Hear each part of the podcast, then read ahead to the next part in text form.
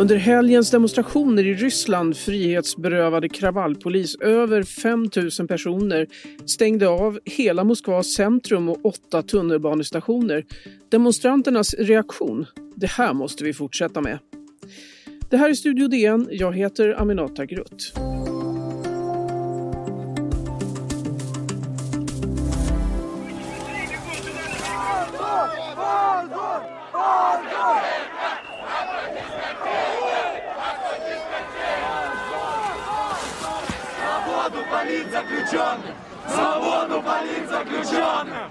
Ja, här hörde vi lite av hur det lät i Moskva under helgen. Demonstranter som ropar slagord och kräver att gripna ska släppas fria och bilar som tutar för att ge stöd.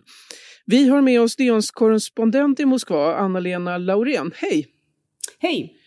Du, det är andra helgen i rad nu med stora demonstrationer och massor av poliser på gatorna. Eh, bland de största protesterna sedan presidentvalet 2012 har det sagts. Börjar Kreml bli rädda för vad som kan hända? Ja, åtminstone är de nog väldigt oroliga. Och, och de har ju all orsak för att, att missnöje med Putin-regimen har ju växt sakta men säkert under de senaste, låt oss säga fem, sex åren. Efter euforin då, då man annekterade Krim så har, har, väldigt mycket, har väldigt mycket, många saker blivit sämre i Ryssland. Och jag tyckte man kände väldigt tydligt under gårdagens demonstration att alltså poliserna, de här kravallpoliserna specialutbildade i splitterny utrustning så de hade fått order om att, att visa vem som bestämmer. Och, och de gick omkring och, och grep folk på måfå. Det var omöjligt att veta vem de tänker gripa härnäst. Och det var väldigt tydligt att, att man ville få fram att här är det vi som bestämmer. Och det är ju på något sätt, det, det som, som du citerade den här demonstranten jag talade med som sa att, att de är så här rädda för oss, att det här måste vi absolut fortsätta med, de, vi har ingen aning om att, att, att de är så rädda. Jag tror att det är reaktionen hos ganska många, att den här maktdemonstrationen så ses ju inte som ett tecken på styrka utan som ett tecken på svaghet. Men samtidigt är det ju ett faktum att den som sitter på våldsmonopolet är Kreml. Och, och de kan ju, det här är ju ingenting i jämförelse med vad de skulle kunna göra om de vill att det här kommer ju att fortsätta den här processen. Vi kan lyssna på en av dem du talade med, en demonstrant som heter Natalia Kastandaki.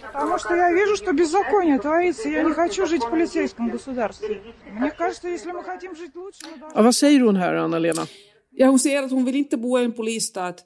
Och om vi, om vi vill få en ändring på det här så måste vi kämpa för det själva. Ingen hjälper oss, inte väst och inte någon annan, utan vi måste göra det här med våra egna händer.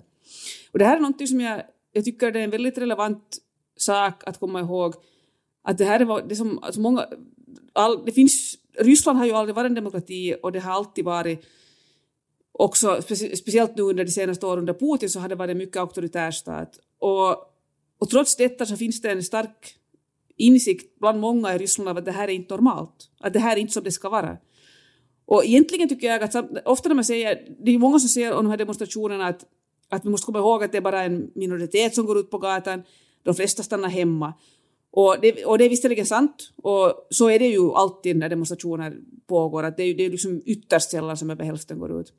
Men, men det som jag tycker är intressant att, att det bland så många människor ändå finns den här insikten om att det här är faktiskt inte det normala.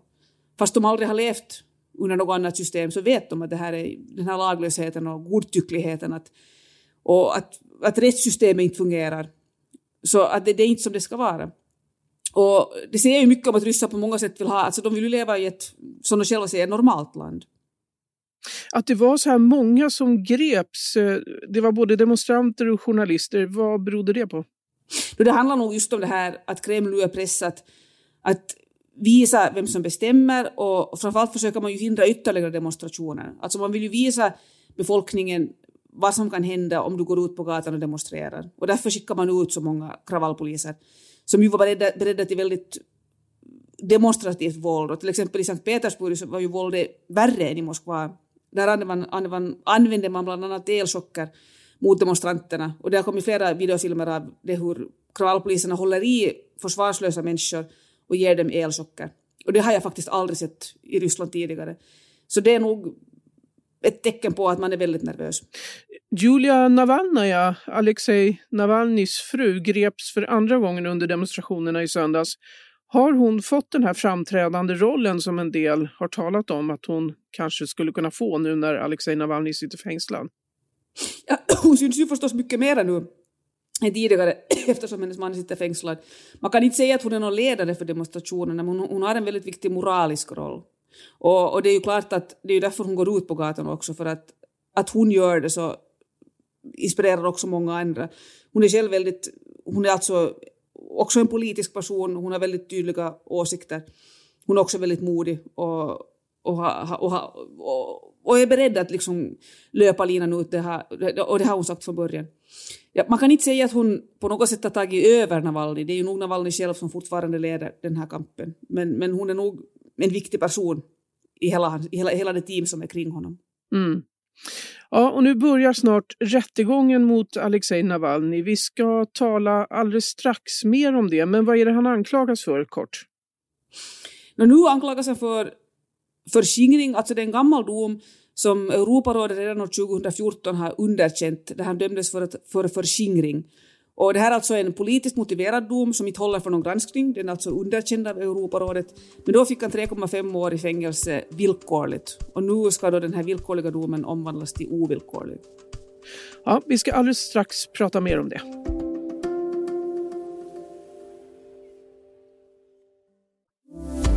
Vi talar om Ryssland i Studio DN. För lite över två veckor sedan kom oppositionspolitikern Alexej Navalny tillbaka till Ryssland efter att ha blivit färdigbehandlad i Tyskland efter att han hade fått i sig nervgiftet Novichok. Och eh, han greps av polis direkt på flygplatsen i Moskva och nu börjar rättegången mot honom. Anna-Lena Laurén, du är med oss ifrån Moskva. Vad är det han anklagas för egentligen? Navalny anklagas alltså för förskingring och det är en gammal dom som redan har underkänts av Europarådet 2014.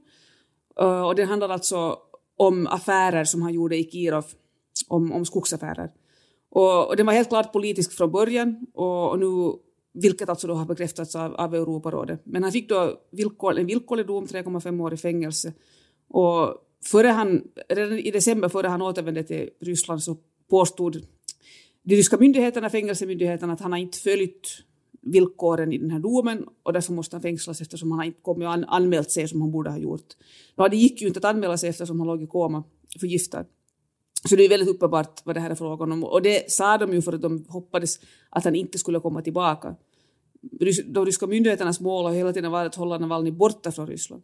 Alltså att han anklagas för, för eh, förskingring och korruption kan man väl säga då, det är väl lite av en twist eftersom han själv har gjort sig känd just för sitt antikorruptionsarbete. Mm. Så är det absolut och det finns alltså ytterligare en anklagelse mot honom som också kommer att som han också kommer att dömas för.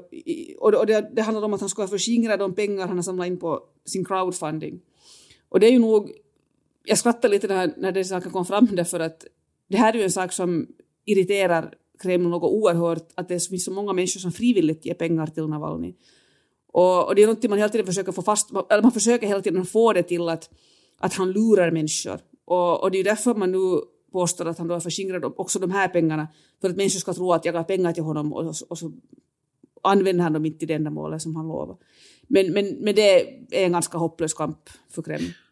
Då 2012 under presidentvalet när vi såg de här andra stora protesterna, då var det väl huvudsakligen affärsmän som stöttade hans eh, antikorruptionsarbete. Har han blivit mer folkkär nu, eller hur man ska uttrycka det? Ja, alltså han är ju han är en person som, det är svårt att kalla honom för folkkär, för han är en väldigt polariserande person och samtidigt, alltså de som, hans, de som gillar Navalny så är verkligen lojala med honom och tror på honom och, och älskar honom och är beredda att göra allt för honom. Men sen stöter han bort en ganska stor del av den här, låt oss säga den här lite mer urbana intellektuella väljarbasen för att han betraktas som vulgär och, och populistisk.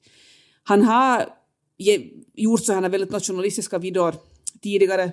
Han har, han har gått med i, i den så kallade ryska marschen som är en nationalistmarsch, men det slutade han, sista gången han var med var 2011. Under de senaste, låt oss säga fem, sex åren så har han slipat ganska mycket den här imagen av, av nationalist.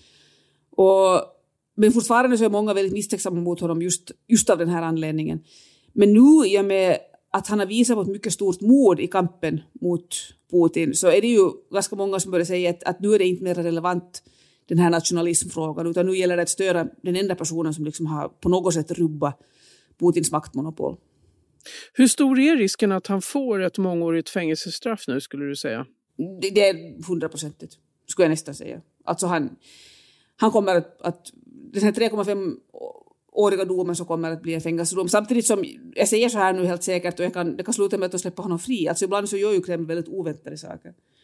Och på något plan kan man ju säga att, skulle de, att det smarta skulle ju vara nu att släppa honom fri. Så att, för då förlorar han ju liksom en del av den här...